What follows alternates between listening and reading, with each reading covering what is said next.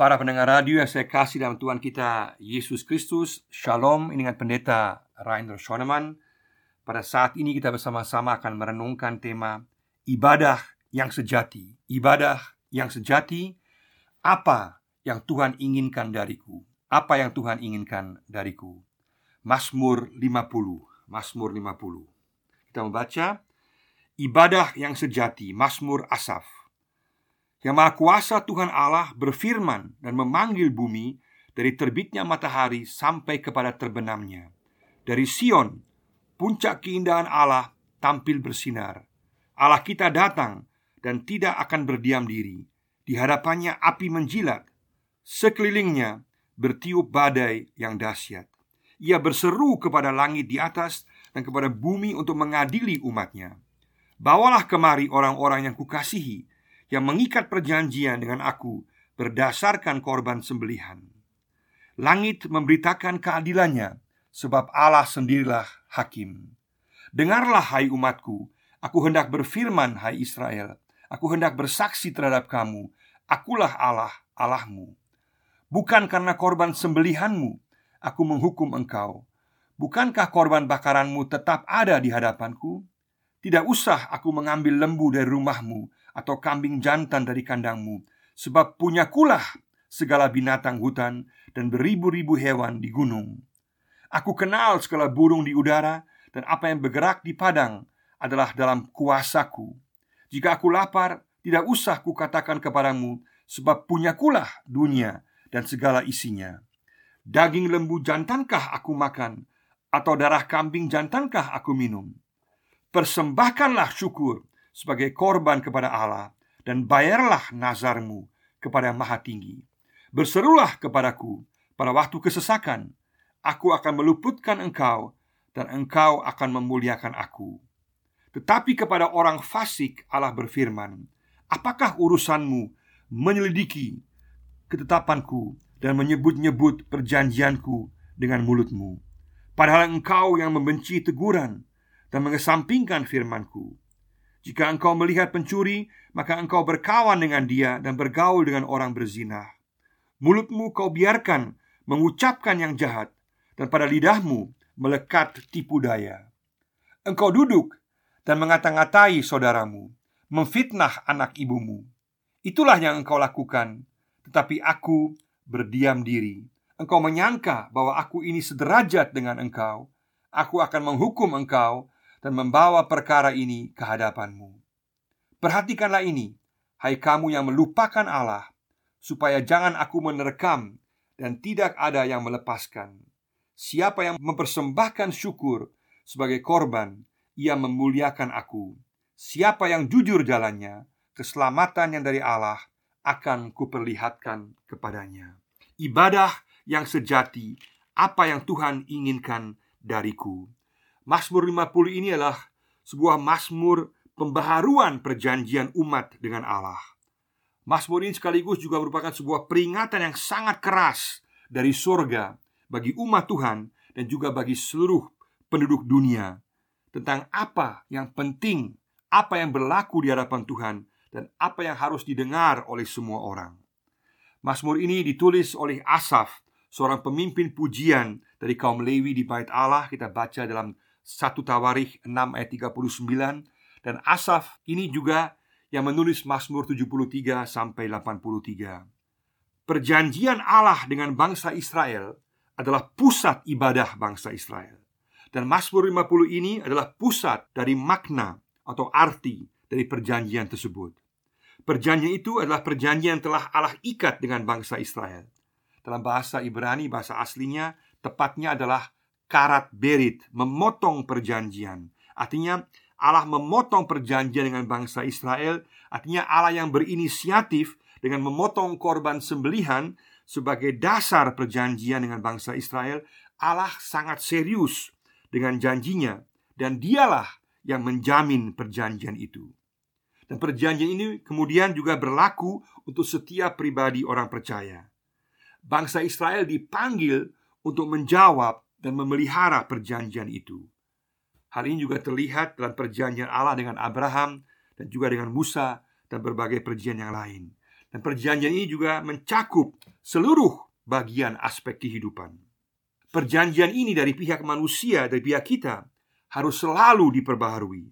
Harus ada keputusan yang baru, ada komitmen yang baru, penyerahan diri yang baru dari setiap generasi, dari tiap-tiap kita secara pribadi, dari waktu ke waktu. Inilah yang dimaksudkan dengan kebangunan rohani. Allah tidak pernah mengingkari janjinya, tetapi manusia, umat Tuhan, sering mengingkari janjinya dan meninggalkan Tuhan. Itulah sebabnya perjanjian harus diperbaharui. Seperti Yosua yang mengatakan, "Aku dan seisi rumahku akan mengikut Tuhan."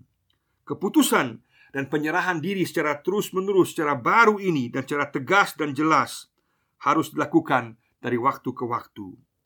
Juga saat bangsa Israel mengalami kebangunan rohani di bawah pimpinan Esra dan berjanji untuk menyembah Allah Yahweh, bersyukur akan kebaikan pemberian keselamatan dari Allah Yahweh, memiliki hati yang terbuka dan jujur di hadapan Allah dan mau menuruti firman-Nya. Itulah ibadah yang sejati.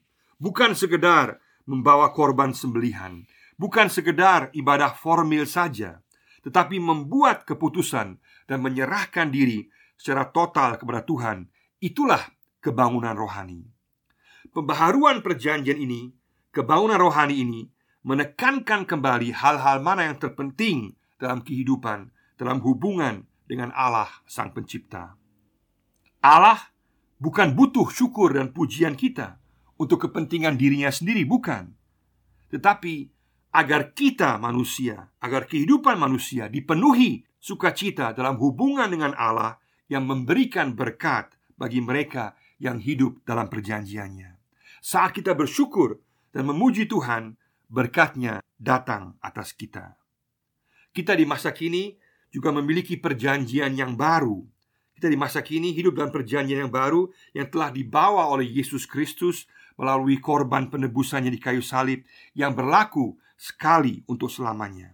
Kita baca dalam Ibrani 9 ayat 28 dan juga 10 ayat 12. Kita tidak lagi memerlukan korban sembelihan karena Yesuslah korban yang sempurna bagi pengampunan dosa. Dalam Yohanes 1 ayat 29, Yohanes Pembaptis mengatakan tentang Yesus, "Lihatlah anak domba Allah yang menanggung dosa isi dunia." Jadi saat kita memandang kepada Yesus, kepada kayu salib, di mana Yesus mati sebagai ganti dosa kita, maka kita diselamatkan. Korban Yesus di kayu salib cukup sekali untuk selamanya. Ibrani 4 ayat 16 mengatakan bahwa kita dapat datang dengan berani setiap saat kepada tahta keselamatan Allah. Sungguh luar biasa. Saat kita memandang salib Yesus, kita diselamatkan. Saat kita memandang diri kita sendiri, maka kita binasa. Maka kita dipanggil untuk selalu memandang pada salib Kristus, pada korban Kristus. Meskipun demikian, kita dipanggil untuk bertobat, untuk menerima Injil. Yesus berkata dalam Markus 1 ayat 15, "Bertobatlah kamu dan percayalah kepada Injil, karena kerajaan Allah sudah dekat." Kita harus bertobat dan percaya kepada Injil Yesus dan memiliki sikap kerendahan hati di hadapan Tuhan. Inilah masa anugerah Roma 2 ayat 4 mengatakan Tidakkah kamu tahu bahwa maksud kemurahan Allah ialah menuntun engkau kepada pertobatan? Inilah masa anugerah untuk bertobat dan dipanggil untuk bersyukur kepada Tuhan Mempersembahkan diri kita bagi Tuhan dalam ketaatan dan dalam pelayanan baginya. Roma 12 ayat 1 mengatakan Persembahkanlah tubuhmu, dirimu sebagai persembahan yang hidup, yang kudus, dan berkenan kepada Allah, itulah ibadahmu yang sejati. Dulu umat Israel membawa korban sembelihan di hadapan Tuhan untuk penebusan dosa. Sekarang kita sebagai pengikut Yesus, sebagai Israel sejati, kita sekarang memandang dan mengandalkan korban Yesus di kayu salib. Tetapi prinsip-prinsipnya tetap sama dalam perjanjian lama dan perjanjian baru, yaitu merendahkan diri di hadapan Tuhan, memiliki hati yang menerima Tuhan, bersyukur kepada Tuhan, dan mentaati perintahnya. Allah menginginkan pembaharuan janji kita, pertobatan kita, penyerahan diri kita. kepercayaan kita kepadanya, syukur kita kepadanya. Kita baca ayat 14. Mazmur ini terbagi dalam tiga bagian besar.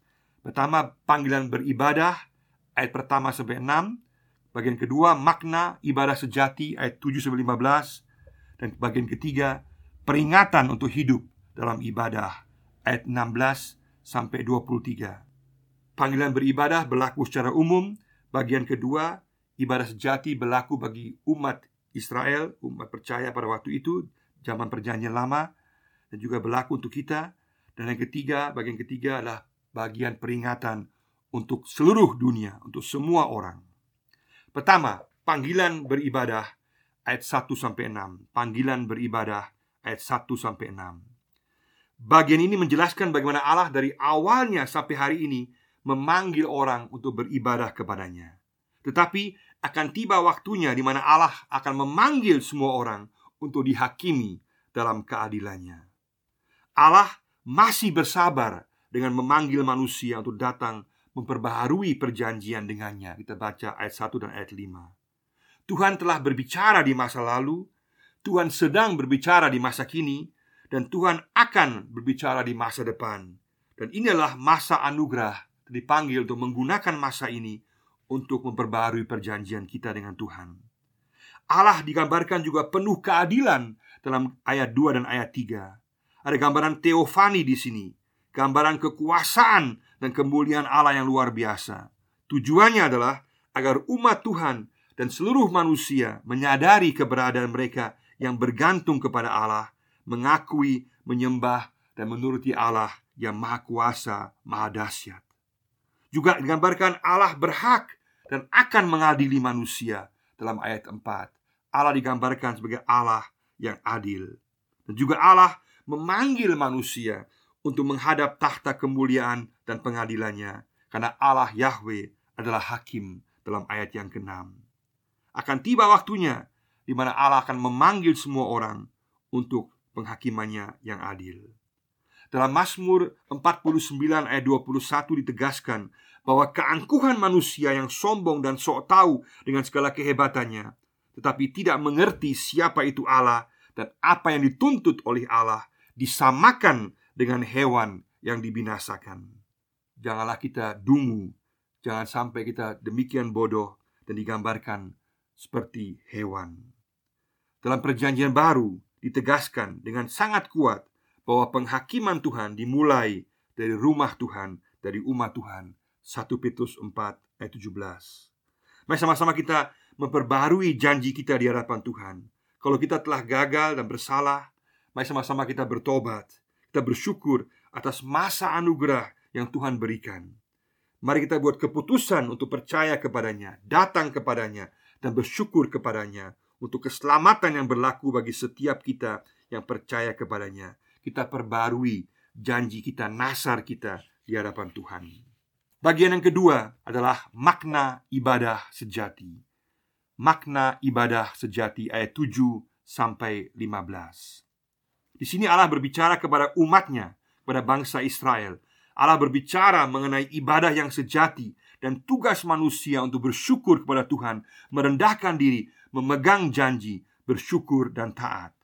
Yang terutama adalah pembaruan janji kita, kemauan untuk memegang janji kita dan bersyukur kepadanya. Peganglah nasarmu, peganglah janjimu. Di sini Allah mengkritik sangat keras umatnya karena umatnya tidak memperhatikan hukum-hukum Tuhan. Allah menjawab di ayat 12 bahwa dia memiliki segala sesuatu dalam dunia ini. Dialah yang berkuasa. Allah tidak butuh persembahan. Korban sembelihan adalah untuk kepentingan umat sendiri, bukan untuk kepentingan Tuhan. Jangan diputarbalikan. Di sini ada kritik keras terhadap pemahaman yang salah akan ibadah yang bersifat formil ritual semata.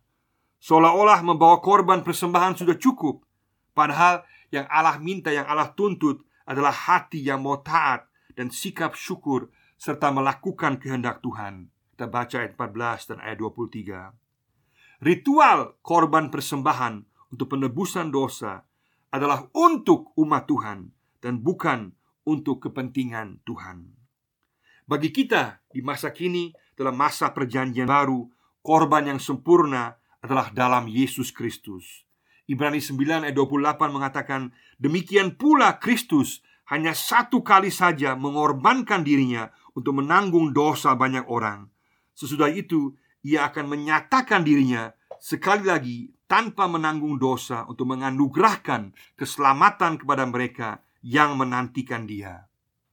Dan Ibrani 10 ayat 12 mengatakan, "Tetapi ia setelah mempersembahkan hanya satu korban saja karena dosa, ia duduk selama-lamanya di sebelah kanan Allah.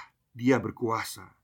Bukan pola, bukan cara, dan bahkan liturgi ibadah yang menentukan, tetapi yang menentukan adalah sikap hati. Tanpa sikap hati yang benar, semua pola ibadah sia-sia. Korban yang kita bawa saat ini bukan korban sembelihan dan bukan untuk penebusan, karena semua telah ditanggung oleh Yesus. Tetapi sekarang kita membawa korban syukur karena telah ditebus, karena telah diselamatkan. Sungguh luar biasa bahwa Allah di sini memberikan jalan keluar, solusi bagi kita. Ayat 15 untuk berseru kepadanya. Berserulah kepadaku pada waktu kesesakan, aku akan melembutkan engkau dan engkau akan memuliakan aku. Luar biasa dipanggil untuk selalu berseru kepada Tuhan dan dia akan mendengar. Dan dipanggil untuk selalu ingat nomor telepon sorga yaitu 50 15 5015 Mazmur 50 ayat 15 Setiap saat kita dapat berseru kepada Tuhan dalam segala keadaan. Telepon atau HP Allah dalam bahasa kita selalu ada sinyal Selalu dapat dihubungi. Dia selalu ada Selalu ada jaringan setiap saat kita dapat berseru, dapat menghubungi Dia. Luar biasa. Gunakanlah kesempatan yang luar biasa ini. Ada hak istimewa, ada janji Tuhan yang luar biasa. Kita boleh berseru kepada Dia setiap saat dalam situasi apa pun yang sedang kita hadapi, dan Allah mau mendengar. SOS, save our souls. Allah mendengar panggilan darurat kita. Dia mau mendengar kita, dan kita boleh yakin karena Dia punya kuasa dalam kisah para rasul 4 ayat 12 dikatakan Tidak ada nama lain yang menyelamatkan Hanya nama Tuhan Yesus. Tidak ada nama lain yang menyelamatkan Hanya nama Tuhan Yesus. Dan Roma 10 ayat 13 mengatakan Barang siapa berseru kepada nama Tuhan Yesus Dia akan diselamatkan. Gunakanlah selalu nomor telepon sorga. Hubungilah Tuhan setiap saat dalam segala situasi Tuhan memberikan solusi yang luar biasa, jalan keselamatan bagi kita, bagi mereka yang berseru kepadanya. Pada saat kita berseru, kita meyakini akan pribadi Allah Yahweh yang berkuasa. Kita boleh manggilnya dalam setiap saat, ada janji pertolongannya, dan kemudian kita memuji Tuhan. Mari sama-sama kita mengevaluasi diri kita masing-masing.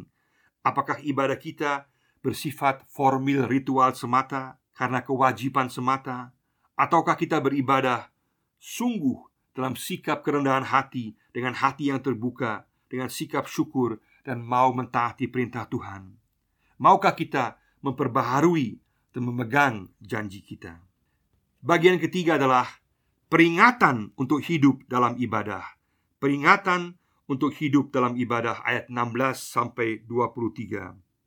Peringatan ini ditujukan kepada semua orang di dunia ini untuk datang kepada Tuhan, beribadah kepadanya, dan menurutinya. Tuhan memberikan peringatan yang keras pada semua orang yang tidak mentaati hukum-hukumnya, yang tetap tinggal dalam dosa, dalam mencuri, dalam berzina, berkata dusta, memfitnah, dan tidak mau berubah, tidak mau bertobat. Di sini digambarkan sebuah kemunafikan yang luar biasa, tetap beribadah, padahal hati dan kelakuan jauh dari Tuhan, pura-pura bertanya akan Tuhan, tetapi sebenarnya tidak peduli. Yang Tuhan inginkan harusnya kita mengerti dan menuruti hukum Tuhan.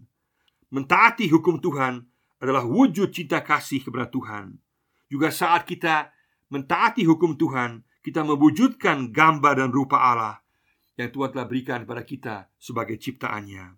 Hukum Tuhan tidak bertujuan untuk menekan atau menyiksa kita, tetapi tujuan hukum Tuhan adalah memberikan kepada kita kehidupan sehingga kita ada kedamaian, ada kebahagiaan, ada keamanan, ada sukacita dalam kehidupan baik secara pribadi maupun dalam masyarakat.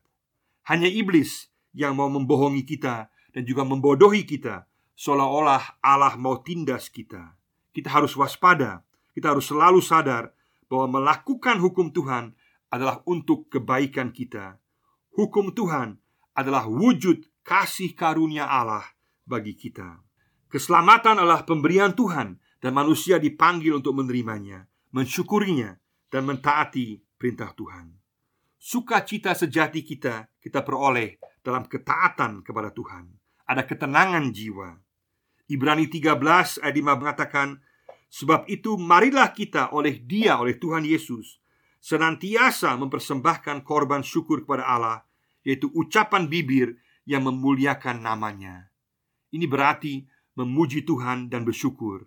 Ini juga berarti menghargai sesama manusia sebagai ciptaan Tuhan Dan tidak menyebutnya dengan kata-kata macam-macam binatang. Tuhan telah dan akan memberikan keselamatannya kepada kita. Ayat 23 Janji penyertaannya pasti. Apa yang Tuhan inginkan daripadaku?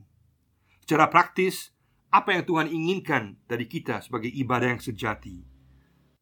Mazmur 50 ini memberikan 10 jawaban praktis yang dapat kita renungkan yang ingin saya sebutkan secara singkat saat ini.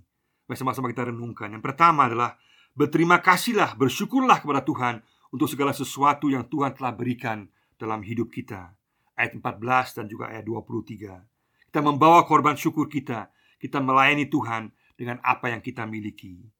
Yang kedua, peganglah janjimu. Ayat 14, perbaharuilah janjimu. Yang ketiga, carilah dan berserulah kepada Tuhan dalam segala situasi. Ayat 15. Gunakanlah nomor telepon sorga 5015 Mazmur 50 15 Berserulah kepada Tuhan dalam setiap keadaan, maka Dia akan menolong. Yang keempat, menghormati dan mendengar teguran firman Tuhan ayat 16 dan 17. Katakan Tuhan, aku mau siap ditegur oleh firman-Mu untuk menghormati firman-Mu. Yang kelima, menjauhi kejahatan ayat 18. Katakan kita mau menjauhi kejahatan yang mempengaruhi kehidupan kita. Yang keenam, jagalah perkataanmu. Ayat 19 sampai 20. Kita mau menggunakan kata-kata kita untuk memberkati orang lain, mendorong orang lain, memotivasi orang lain, menghibur orang lain, bukan untuk menjatuhkan dan menghina orang lain. Yang ketujuh, jangan meremehkan Tuhan. Ayat 21. Jangan kita anggap Tuhan membiarkan kita saja. Kita masih akan hidup lama. Kita masih bisa buat apa yang kita mau Seolah-olah kita yang memegang kendali atas hidup kita Jangan remehkan Tuhan Tuhan pasti juga akan menuntut dari kehidupan kita Dia tidak akan membiarkan kita melakukan apa yang kita mau Jangan remehkan Tuhan Yang kedelapan Jangan lupakan Tuhan Ayat 22 Tetaplah ingatlah Tuhan dan hiduplah di hadapan Tuhan Maka kita akan memuliakan Tuhan Menyenangkan hati Tuhan Yang kesembilan Hiduplah dalam jalan yang jujur. Hiduplah dalam jalan yang jujur. Ayat 23. Kita berusaha dalam segala situasi kehidupan kita dengan kekuatan Tuhan, pertolongan Tuhan untuk hidup dalam pekerjaan kehidupan sehari-hari kita. Dalam segala hal, kita hidup jujur dan berkenan di hadapan Tuhan. Dan terakhir yang ke-10, muliakanlah, hormatilah Tuhan. Muliakanlah, hormatilah Tuhan ayat 23. Kita memuji Dia, kita menyembah Dia, kita mengagungkan Dia. Kiranya Tuhan memberkati sehingga kehidupan kita secara keseluruhan menjadi ibadah yang sejati di hadapan Tuhan. Kiranya Tuhan memberkati tiap-tiap kita. Amin.